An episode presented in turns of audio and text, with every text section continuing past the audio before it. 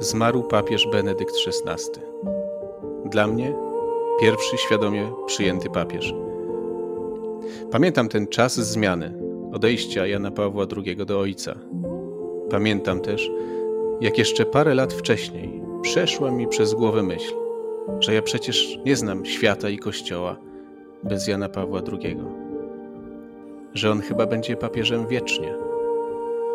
Tymczasem kwiecień 2005 roku poruszył świat. Poruszył i mnie, kiedy śledząc wydarzenia z ostatnich dni, rozkleiłem się jak niemowlę, siedząc przy spodziewającej się naszego pierwszego dziecka śpiącej żonie.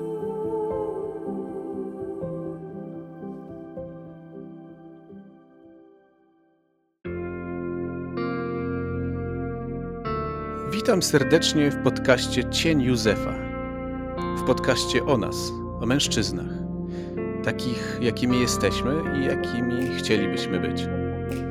Mam na imię Karol Sęk i zapraszam Was na wspólną drogę.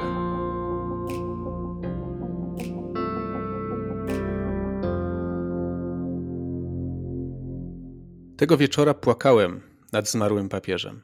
Płakałem też nad opuszczonym krajem, moją młodą rodziną i nad sobą. Świat, który był dla mnie oczywisty, właśnie się skończył. Może to brzmi banalnie, ale tak to wtedy odbierałem. Wchodzenie w dorosłość, dojrzałość niewątpliwie oznaczało opuszczenie tego, co oczywiste, co pewne i od zawsze.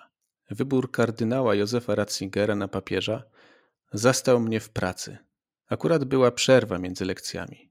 Dzwoniące dzwony obwieściły nową rzeczywistość, a w telewizji pojawiła się skromna postać nowego pasterza. Benedykt XVI był dla mnie zawsze przykładem taktu i delikatności. Był wszystkim tym, czym stereotypowy Niemiec nie był, a jednocześnie był pierwszym i jedynym Niemcem, który miał realny wpływ na moje świadome, dorosłe życie wiary. Ciekawe, że pontyfikat Benedykta XVI, jego realne, ale i duchowe ojcostwo i przewodnictwo w zasadzie od początku towarzyszyły mi na drodze mojego ojcostwa. Byłem już mężem od ponad półtora roku, a z końcem maja 2005 roku miał urodzić się nasz pierwszy syn.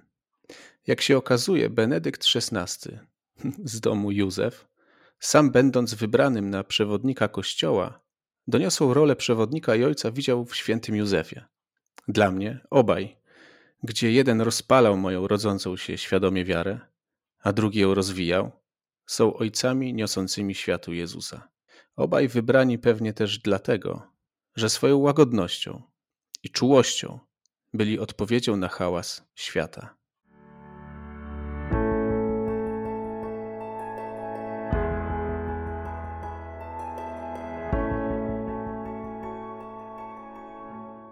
Parę odcinków temu dokładnie w odcinku 11, zaproponowałem przybliżenie cech ojcostwa, jakie tym razem papież Franciszek dostrzegł w osobie świętego Józefa i opisał w liście Patris Corde. Jestem przekonany, że Benedykt XVI był dla Kościoła ojcem na wzór ojcostwa Józefa dla Pana Jezusa, które było umiłowane, posłuszne, przyjmujące, z twórczą odwagą w cieniu, ale i czułe i to właśnie tą cechą w tym odcinku chciałbym się zająć. Papież Franciszek pisze: Józef widział, jak Jezus wzrastał z dnia na dzień w mądrości, w latach i w łasce u Boga i u ludzi. Podobnie jak Pan uczynił to z Izraelem, taki On uczył go chodzić, biorąc go za rękę.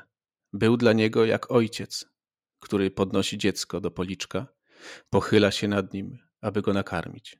Jezus widział w Józefie czułość Boga. Jak się lituje ojciec nad synami, tak Pan się lituje nad tymi, co się go boją. Ciekawe, że to czułość jest jedną z pierwszych cech, które Franciszek przypisuje świętemu Ojcu Jezusa. Wylicza gesty z księgi Ozeasza, które w pierwszej kolejności mogą kojarzyć się z opieką matczyną, a tu mają odnosić się do Józefa. Uczy chodzić, czyli jest wsparciem, musi czuwać, musi obserwować, być cierpliwy. Następnie podnosi, przytula, czyli troszczy się, czyli nie boi się bliskości, pochyla się, lituje, jest blisko, jest przy Jezusie, jest przy dziecku. To cechy, za którymi tęsknimy, niewątpliwie, ale które mogą przychodzić nam niezwykle trudno, nam mężczyznom. Po pierwsze, jeśli patrzymy na ojcostwo jako przygotowanie do życia, tego prawdziwego życia, tego twardego świata, do walki o swoje, do zdobywania tego świata, tytułów i pozycji, pojawia się pokusa, że powinniśmy hartować nasze dzieci. Na pewno w pewien sposób uzasadniona, ale żeby hartować je na wszelkie przeciwności, ale też wiele rzeczy tracąc w tym czasie. Ta pokusa pojawia się też, żebyśmy uczyli je, że życie nie jest łatwe, a one powinny być gotowe na to, co świat w nie będzie rzucał. I oczywiście, że tak jest. Tylko problem polega na tym, że z pokolenia na pokolenie zaszczepiamy w naszych córkach i naszych synach przekonanie, że, że twardym trzeba być. Ale z drugiej strony, tym bardziej modne ostatnimi czasy jest pozostawienie dzieciom przestrzeni do wolności, do odkrywania życia, do odkrywania świata po swojemu, co o, oczywiście też zdaje się w pełni uzasadnione. Dziecko nie wyrośnie na zdrowego, dorosłego człowieka, jeżeli samo nie doświadczy życia, że jeżeli samo nie będzie poznawało tego świata i nie będzie uczyło się też na swoich błędach. Jednak papież udowadnia, że jednym z ważniejszych atrybutów ojcostwa w tym wszystkim jest czułość. A jak określa to Benedykt XVI, wrażliwość, czyli uczulenie, uwrażliwienie na potrzeby naszych dzieci, ale i każdego człowieka, z którym chcemy budować relacje. Czułość w zasadzie łączy to, co powiedziałem wcześniej o wychowywaniu do przygotowywania do życia, tego twardego, trudnego, do walki o swoje, do zdobywania świata, z tym podejściem, które pozostawia dzieciom przestrzeń do wolności. Jeżeli obie te cechy zostawimy same sobie, bez czułości, to pozbawimy nasze dzieci czegoś naprawdę ważnego. Bo czułość to umiejętność wyciągania ręki, otwarcia ramion, schylenia się, czyli to, co kojarzy się z uniżeniem i z tym, co słabe. Trudno w tym znaleźć twardość. I pół biedy, jeśli mielibyśmy uniżyć się wobec najbliższych. W sumie troszeczkę łatwiej jest przyznać się do błędu w węższym gronie ludzi. Co więcej, można przecież czasami zrobić to z wyrachowania, żeby pokazać na zewnątrz zniekształcony obraz siebie. Ale chyba jeszcze trudniej przychodzi przyznanie się samemu sobie do tego, co słabe w środku nas.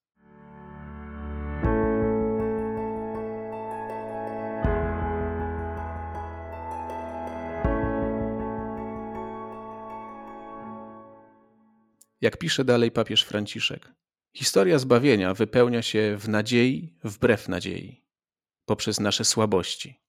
Zbyt często myślimy, że Bóg polega tylko na tym, co w nas dobre i zwycięskie, podczas gdy w istocie większość Jego planów jest realizowana poprzez nasze słabości i pomimo nich.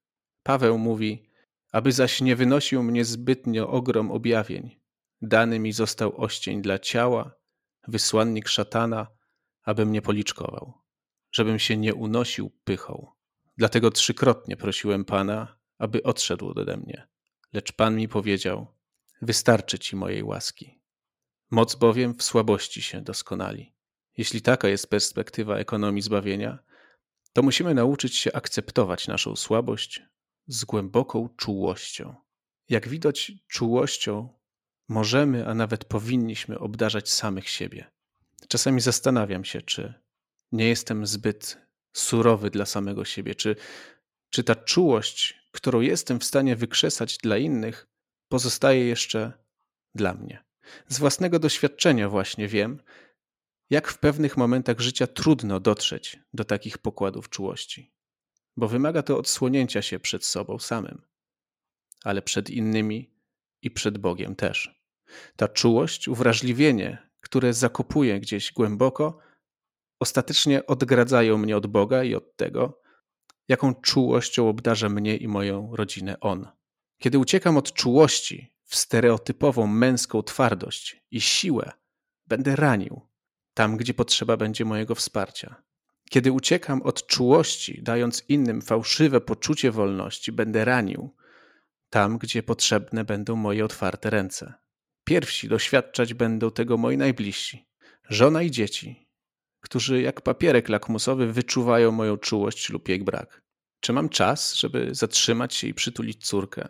Czy umiem spojrzeć na syna i powiedzieć mu słowa wzmocnienia, których potrzebuje?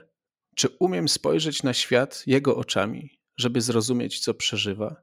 Natchnięty parę dni temu podczas modlitwy, wczoraj wykonałem taki eksperyment. Eksperyment z serca. Usiadłem w pokoju mojego syna na fotelu, bez żadnego założenia prowadzenia rozmowy, jakiejś konkretnej, na konkretny temat. Pomyślałem, że nie będę tym razem pytał o to, jak w szkole, czy odrobił lekcję, czy sprzątnął pokój i kiedy to zrobi. Postanowiłem usiąść i zobaczyć, jak to się potoczy. I okazało się, że syn sam zaczął ze mną rozmawiać, opowiadać. Zaczęliśmy sobie żartować. W pewnym momencie do pokoju przyszła najmłodsza córka. I po paru chwilach takich rozmów luźnych, rozmów trochę o niczym, ale i o wszystkim, wygłupów, wspinania się po drabince, kiedy ja wciąż siedziałem na fotelu, przyszła do pokoju starsza córka. Rozmowy się rozwijały i pomyślałem sobie, że bardzo ciekawe jest, że wystarczyła moja obecność, czuła obecność z poziomu fotela, z poziomu siedzącego, żeby ta relacja się zawiązała. Że nie musiałem nic mówić, że wystarczyło tylko być, że wystarczyło tylko słuchać, być tym wsparciem. Mam czworo dzieci w różnym wieku.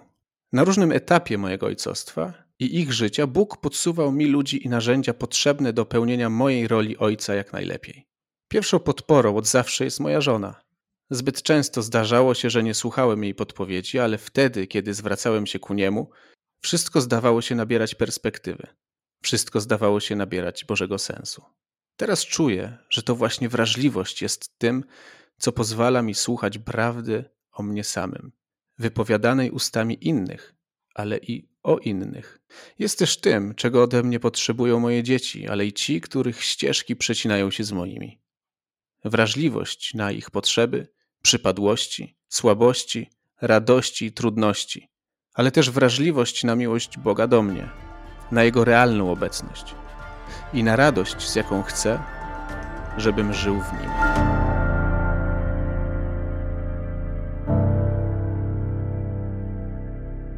Bardzo Wam dziękuję za wysłuchanie tego odcinka. Zachęcam Was do tego, żebyście zaobserwowali go, aby śledzić kolejne